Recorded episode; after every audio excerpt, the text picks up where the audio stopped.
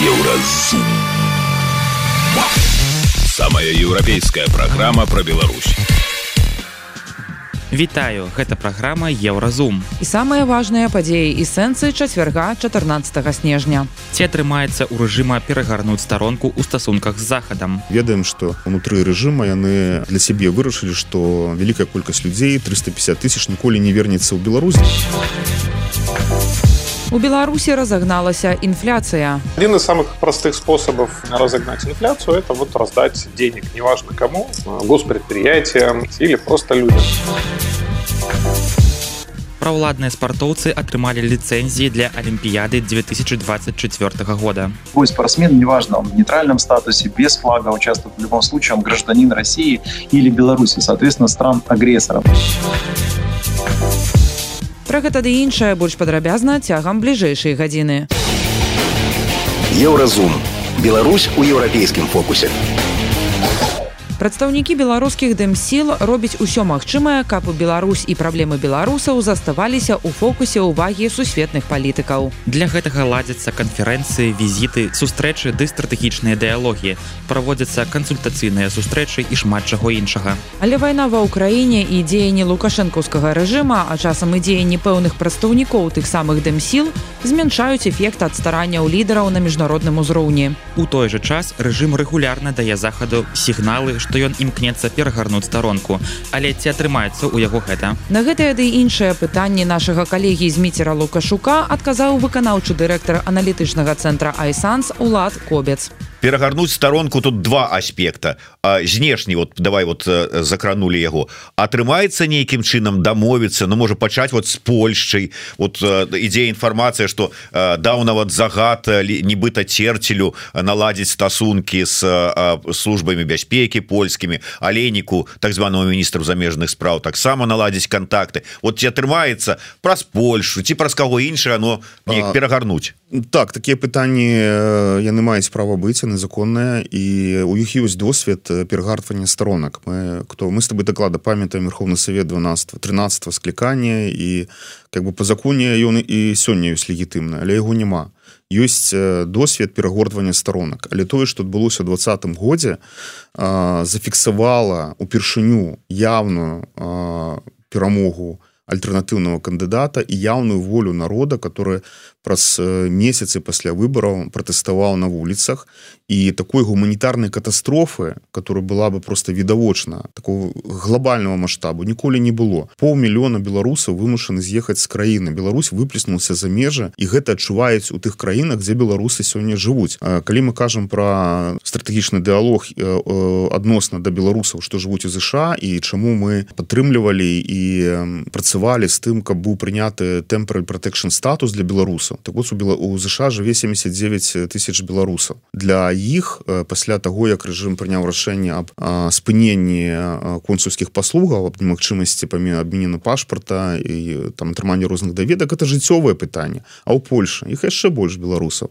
Чэхія літва урад гэтых краінаў народы гэтых крымпачыць тых беларусаў кожны дзень у вочы. І гэтыя тысячи тысячи людзей яны сталі і важным эканамічным чыннікам але таксама і праблемным з тым что документы сёння Беларусь як дзяржава а ім выдаваць адмовілася і больш затое мы ведаем что унутры рэжыма яны для сябе вырашылі что вялікая колькасць людзей 350 тысяч ніколі не вернется ў Беларусь. Для іх это лёсы которые яны э, попросту вычышаюць з, з жыцця краіны як это можа быць нормально аб чым можна размаўляць без вызвалення палізняволеных мы не ведаем где знаходзіцца паняцце інкамунікаду это калі чалавек знаходіцца у турме і з ім няма ніякіх контактаў мы не ведаем что з міколай статкевичам мы не ведаем что с калеснікавай со знакам з лосікам нас э, цэлы спіс людзей з беляцкім рэшце рэшт э, на страдыялогі прысутнічала Наталя пінчук жонка алеся беляцкага яна казала про тое что ее няма ніякай інфармацыі аб мужа это нобелевскі ларя лаўрад свету.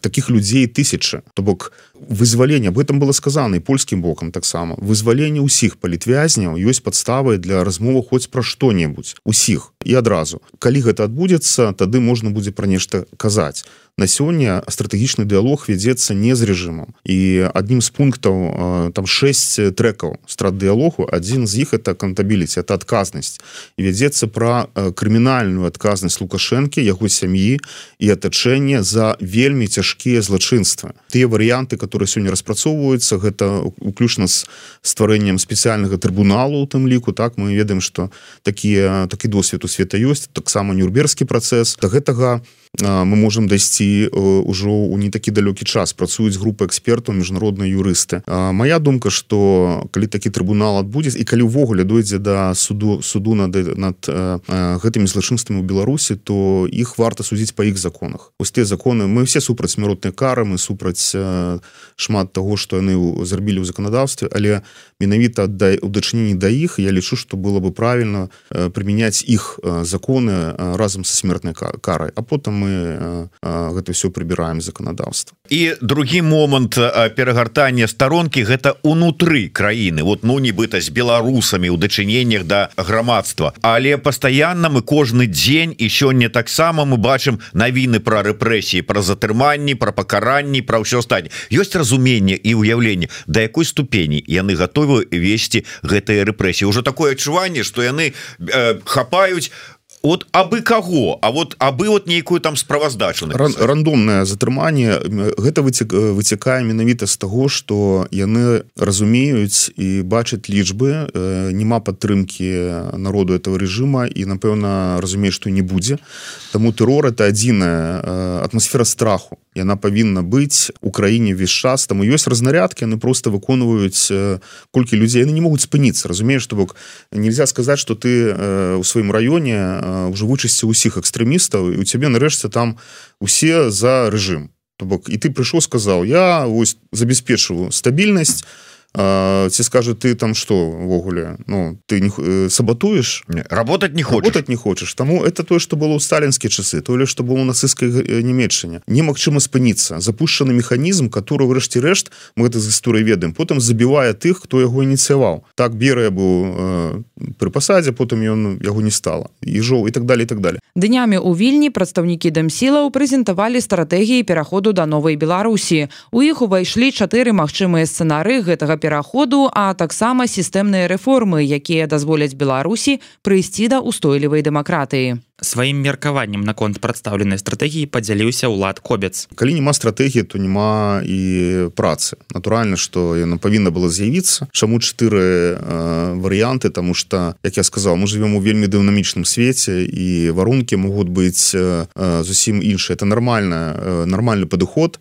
сказал класічны падыход э, фармавання сцэнарыю. Тому э, варыянты там градуюцца ад э, найбольш э, так ад найлепшага да і далее там да горшага. Так то бок мы ідзем от малаверагоднага типа змены ну, праз перамову с рэжымам. Ну на, напрыклад так потому таму добра что па-першае ведаю что вельмі вялікая група экспертаў працавала працавалі вельмі аўтарытэтныя вядомыя калектывы над гэтым. Тому гэта такі калектыўны прадукт сёння гэта ёсць і будзе такой дорожнай мапай так для для того каб напаўняць у тым ліку стратэгічны дыалог канкрэтыкай. Куды мы рухаемся як мы бачым гэты транзіт як мы бачым трансфармацыю мірную у беларусе гэтай связі так что я рады что нагучаны і зараз цікава сачыць за дынамікай за дыскусіяй на это конт.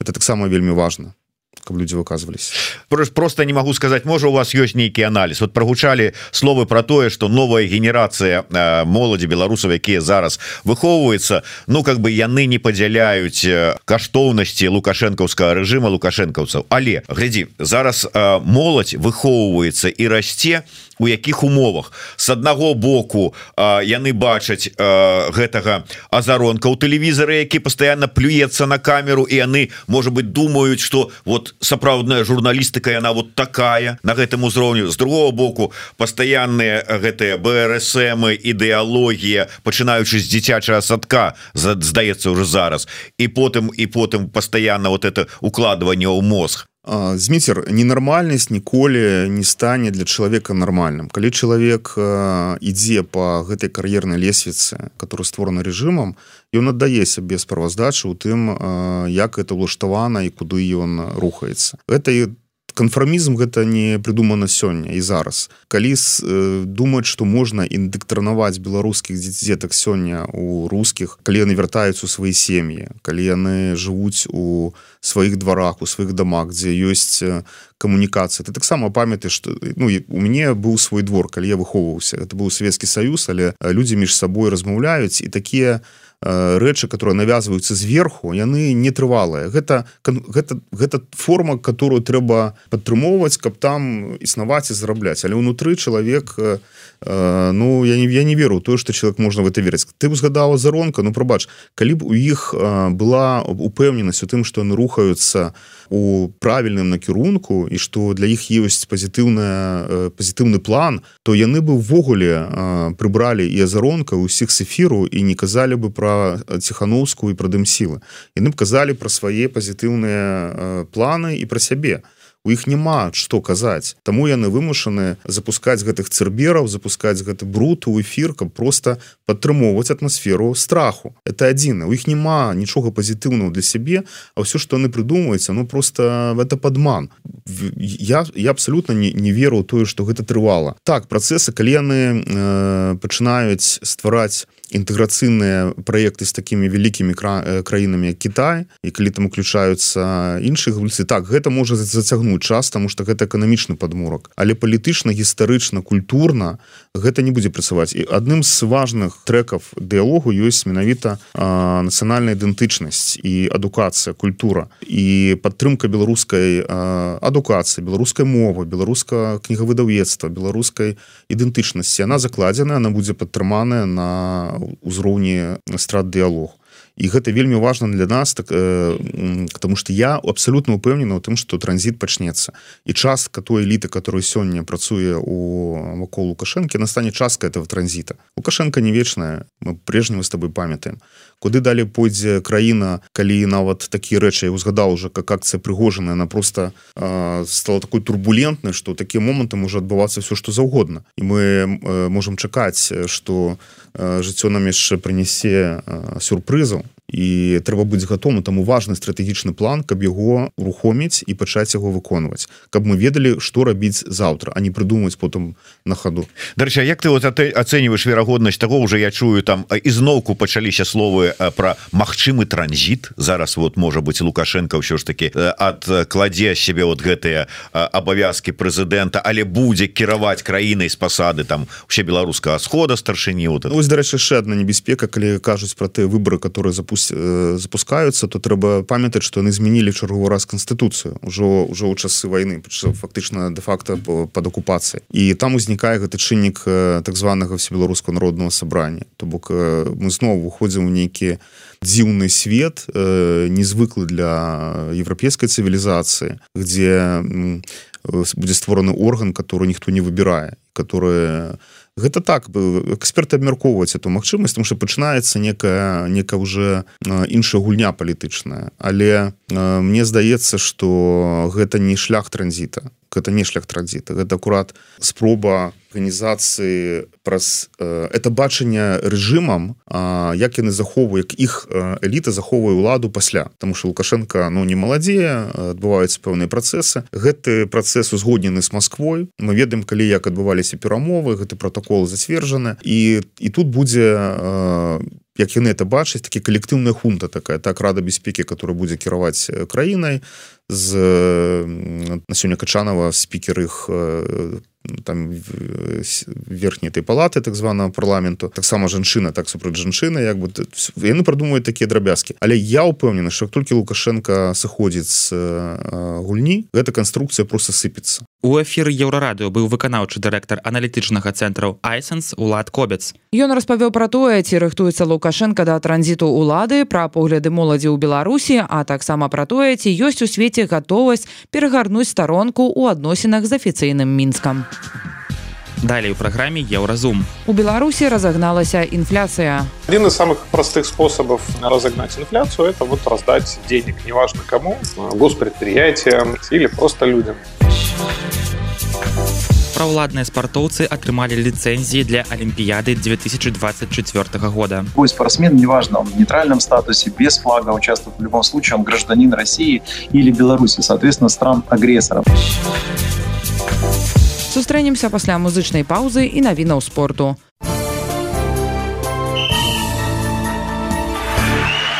На еўрарадыё навіны спорту. Пяць беларусаў атрымалі ліцэнзіі для ўдзелу ў алімпійскіх гульнях 2024 у парыжы паведамляе міжнародны алімпійскі камітэт сярод іх ванесса каладзінская Анастасія шкурдай яўген залаты беларусы змогуць выступаць выключна ў нейтральным статусе У жаночым чэмпіянаце беларусі па гандболі працягвае лідыраваць гомель 28 ачкоў на два ачкі менш у бэнты ў белас і гараднічанкі у мужчынскім першынстве на першым месцы мяшкоў брест з 26 ачкамі узка 24 ачкі беларускі баскетбаліст Макссім салаш дапамог французскаму бурку абыграць у матчы еўракубка італьянскі трэнта 7967 ён набраў 10 ачкоў і зрабіў тры падборы. Бург займае другое месца ў групе. Футбалісты пасажэ і порту сталі апошнімі удзельнікамі адной восьмай фіналу футбольнай лігі чэмпіёнаў. Лёсаванне плэй-офф пройдзе 18 снежня ў штаб-кватэры уефа. Першыя паядынкі прызначаны на люты наступнага года Федэрацыя футбола Турцыі вырашыла аднавіць нацыянальны чэмпіянат 19 снежня. Ён быў прыпынены пасля збіцця арбітра на гульні ў Стамбулі. Не выключана, што пэўны час для працы на матчах будуць прыцягваць суддзяў з іншых краін. Гэта былі навіны спорту на еўрарадыё. Заставайцеся з намі.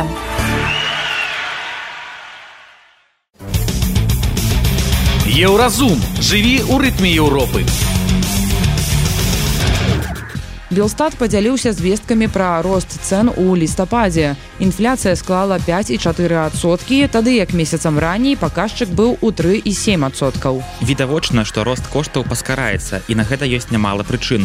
Моцна даражаюць прадукты харчавання і паслугі. За месяц асабліва падаражэла гародніна. Напрыклад, агуркі сталі даражэйшымі на 66соткаў. Перац на 22, памідоры на 18, а буракі на 9соткаў. Тым не менш па ўсёй бачнасці мэтавы прагноз урада і нацбанка беларусі на 2023 год які прадугледжваў інфляцыю ў 7-8соткаў стане рэальнасцю сітуацыю з інфляцыяй у нашай краіне каналу обычное утро пракаментаваў эканаміст і кіраўнік проекту кошт ураду владимир кавалкин в экономике становится э, больше денег с одной стороны если вы людям выдали эти деньги а с другой стороны меньше товаров потому что эти люди дома сидят и эти товары не производят а где-то заимствуют ну и собственно говоря когда у вас денег становится больше товаров и услуг меньше, то растут цены. Это Железная то, что называется инфляция, да, абсолютно. Железная. Хорошо. Да, один из самых простых способов э, разогнать инфляцию – это вот раздать денег, неважно кому, там, госпредприятиям, э, какие-нибудь дешевые льготные кредиты выдать или просто людям раздать денег, повысить зарплаты, пенсии, все что угодно, пособие, да, то есть, ну, все это вызывает инфляцию. Другое дело, как вы это делаете, то есть, какая у вас политика. Если, условно говоря, вы такими методами боретесь с какими-то чрезвычайными ситуациями, ну, вот, например, как э, была пандемия ковид, то это понятно, вам надо людей поддержать, тут уже как бы э, что называется, не до красивых экономических показателей. А людям надо что-то покушать, поэтому что называется, инфляция э, получается такая, с которой придется мириться. А другое дело, когда вы вот мощ, мощный хозяйственник, когда вы там закончили какую-нибудь агроакадемию, знаете, что денег можно нарисовать, если их не хватает, и начинаете раздавать пенсии, начинаете кредиты раздавать, инвестиции государственные раскручивать. Вот. Э, вот это вот э, совершенно другая история. И мы вот, вот в Европе инфляция выстрелила, а потом опять же, мерами Центробанка и мерами а, Минфинов стран она сократилась, то в Беларуси вот а, совсем другая история. Там не такой пологий график, там более резкий график. Такой резкий взлет, потом резкое падение. Да? Это вот потому что жесточайше это... было приказа... да. приказано, да? Да, да. Вот там вот, где резкий спад, это жесточайше приказано. И оно пошло вниз. Вот начали ручками регулировать цены. Вот, и Европейцы оно так жесточайше испугались стало падать. этого Да. жесточайше, что у самих тоже вниз пошли. Ну, то как будто вот прям так это Да. все и работает. Эхо, эхо диктатора. Да, европейцы в тот же момент э, тоже начали бороться с инфляцией, но совершенно другими методами. Они не устанавливали э, пороговые цены, они снижали чаще обычно, снижали НДСы всякие, если помним. Вот, э, они повышали ключевые ставки, если опять же вспомнить. То есть они пытались всячески, с одной э, стороны, сократить количество денег в экономике, чтобы, ну, как мы с вами уже выяснили, их было поменьше и, соответственно, цены припали. С другой стороны, э, на какие-то очень важные товары снизить цены за счет снижения НДС. Вот, в общем-то, разница стратегии, она такова. Ну и что в итоге мы имеем? В итоге мы имеем как бы управляемую ситуацию в странах ЕС и в Беларуси вот этой вот горки с регу- регулированием, и мы видим, как она снова, эта инфляция выскакивает в ноябре. Вот. Э, Ну, опять же, мы видим, что пытались держать эту инфляцию, сбивать год к году, вот, но она все равно откуда-то лезет. Откуда-то лезет, понятное дело, откуда.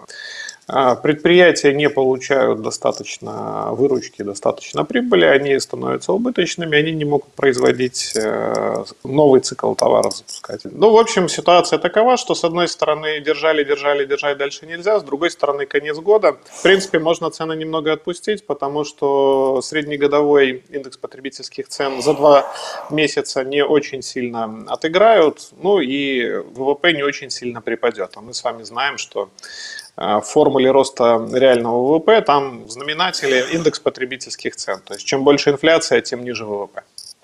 Такая вот у нас с вами история, да.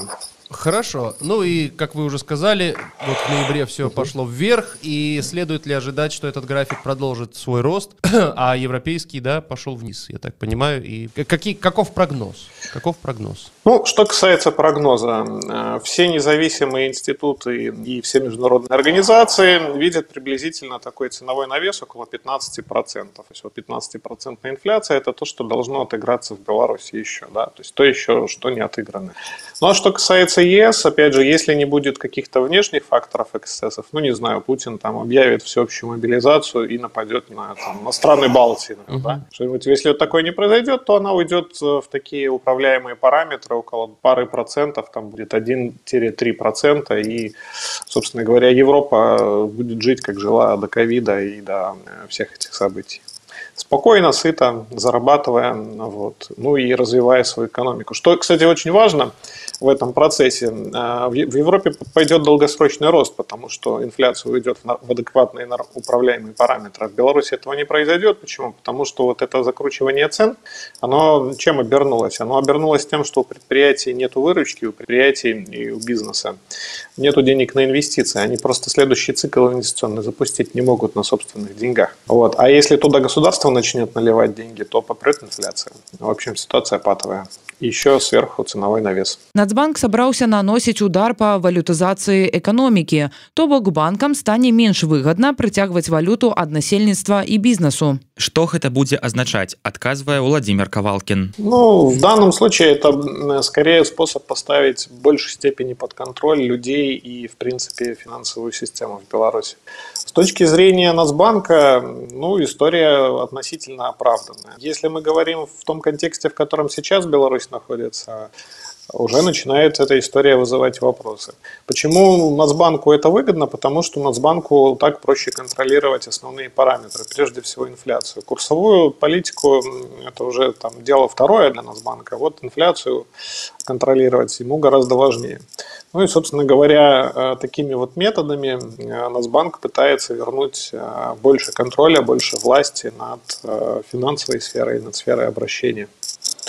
Вот. Ну, а курсовая политика – это уже э, второстепенная история в данном случае. Она будет в большей степени э, зависеть от э, там, буквально ограниченного набора факторов. Что происходит в России, потому что белорусский рубль будет ходить за российским.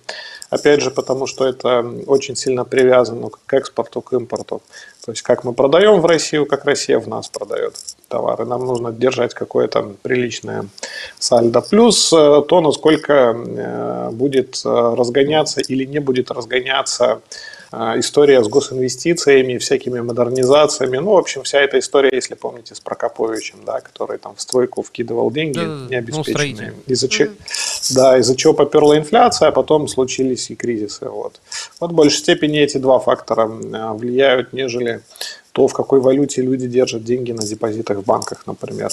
Ну, а нас банк будет действительно создавать какие-нибудь дополнительные комиссии, какие-нибудь дополнительные резервные фонды, чтобы банкам было менее выгодно держать э, валюту бизнеса и населения у себя на счетах, ну, и они ставили более низкие процентные ставки. А люди, соответственно, предпочитали белорусские рубли. Но мы с вами понимаем, что эта история, она такая очень, очень, очень, очень рискованная. Да? Мне порой кажется, что гораздо менее рискованно в казино играть, чем держать депозит в белорусских рублях. Вот, потому что в казино ты гораздо больше ситуацию контролируешь, чем э, с ситуацией в Беларуси и вокруг Беларуси. У нашым эфіры быў эканаміст Уладзімир Кавалкін. Ён пракаментаваў рашэнне Нацбанка змагацца з валютызацыяй эканомікі і параўнаў інфляцыю ў Беларусі і краінах Еўропы. Далей у праграме еўразум. Беларускія спартоўцы атрымалі ліцэнзіі для алімпіяды 2024 года. Бой спортсмен, неважно, он в нейтральном статусе, без флага участвует в любом случае, он гражданин России или Беларуси, соответственно, стран-агрессоров. Сустрэнемся пасля музычнай паўзы і навінаў шоу-бізу. Шоу-біз.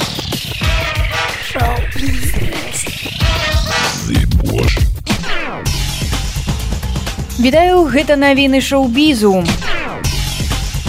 Netflix апублікаваў анонс трэцяга сезона брыжертана ён будзе падзелены на дзве часткі. Першая выйдзе 16 траўня 2024 другая з'явіцца на платформе 13 чэрвеня. Будучая частка будзе прысвечана шматабяцальнаму раману паміж пенелопай фізерынгтон і колінам брыжертанам Амерыканскі акцёр і ўладальнік прэміі Эмі Андре Брауэр памёр у 61 год аб трагедыі паведаміў яго публіцыст. Брауэр памёр пасля непрацяглай хваробы. Ён атрымаў вядомасць, дзякуючы сваім ролям у серыялах. Прырыўной стала галоўная роля ў стужцы забойны аддзел, дзе ён сыграў дэтэктыва Фрэнка Пэмблтона і атрымаў за гэтую ролю Эмі ў 1998 годзе.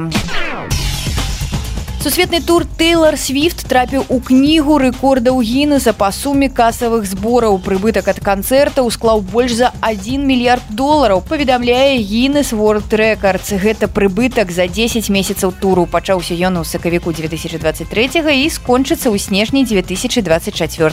Тейлор Свифт пабіла папярэдні рэкорд. Элтон Джон за 5 гадоў развітальных канцэртаў, якія ён даваў па ўсім свеце, зарабіў 939 мільёнаў долараў. Гэта былі навіны шоу-бізу, заставайцеся на хвалях еўрарадыё.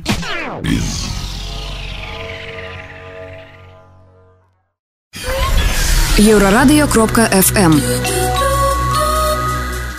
5 беларусаў і 6 расіян атрымалі ліцэнзіі для ўдзелу ў алімпійскіх гульнях якія пройдуць у парыжы з 26 ліпеня па 11 жніўня 2024 года. На гэтым тыдні міжнародны алімпійскі камітэт дазволіў беларускім і расійскім спартоўцам удзельнічаць у алімпіядзе ў нейтральным статусе. Пазней кіраўнік арганізацыі томас бах патлумачыў такое рашэнне тым што спартоўцы не могуць несці адказнасць за дзеянні кіраўніцтва сваіх краін. у Гэта ўсяго толькі адзін з 28 вайсковых канфліктаў, якія працягваюцца ў свеце.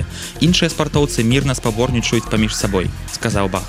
Санкцыі супраць спартоўцаў з рассіі і Беларусі былі ўведзеныя пасля пачатку паўнамасштабнага расійскага ўварвання ва ўкраіну.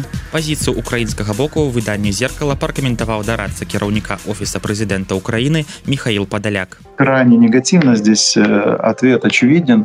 На мой взгляд, э, к сожалению, те, те длинные инвестиции, которые Российская Федерация делала в различные международные институты, в том числе Международный Олимпийский комитет, они сегодня позволяют им использовать эти площадки для модерации темы войны, для пропаганды массового убийства граждан другой страны. На мой взгляд, спорт всегда являлся отражением безусловной идеологии или политики государства. То есть, соответственно, любой спортсмен, неважно, он в нейтральном статусе, без флага участвует, в любом случае он гражданин России или Беларуси, соответственно, стран-агрессоров. Да? Ну, то есть в данном случае мы говорим о стране-агрессоре Российской Федерации, и стране, которая предоставила свою инфраструктуру для агрессии против третьей страны, это Беларусь. И, соответственно, спортсмены, являясь гражданами этой страны, которые абсолютно лояльны к массовым убийствам, которые абсолютно поддерживают политику своей страны и так далее, они являются, еще раз подчеркиваю, промоутерами, э, публичными модераторами войны как концепции внешней политики своей страны. И, соответственно, для нас это кощунственно, потому что э, спортсмены... Э, Украина потеряла в этой войне более 300 спортсменов, убиты то есть те спортсмены, многие из них были чемпионами Европы, э, были чемпионами мира в разных видах спорта, в том числе в зимних видах спорта. Это те спортсмены, которые э, уже никогда не смогут э, состязаться. И вот их коллеги должны будут выходить на там, на те или иные спортивные дорожки, да, состязаться с э, сторонниками войны, с людьми, которые поощряют войну, которые поддерживают войну, которые промоутируют войну, которые радуются убийствам своих коллег и так далее. Но это, мне кажется, абсолютно убийство гуманистической составляющей в современном мире. И Россия должна быть полностью изолирована, еще раз подчеркиваю, на мой взгляд, Россия должна быть в полном объеме изолирована в классическом смысле этого слова. Это значит, что она должна быть лишена возможности присутствовать в различных международных институциях, включая ООН э, и включая право вето. Она должна быть изолирована от участия в э, международных соревнованиях, в любых соревнованиях. И она должна быть изолирована с точки зрения присутствия представителей России, которые выступают где-то э, на тех или иных симпозиумах, саммитах и так далее. А Беларусь?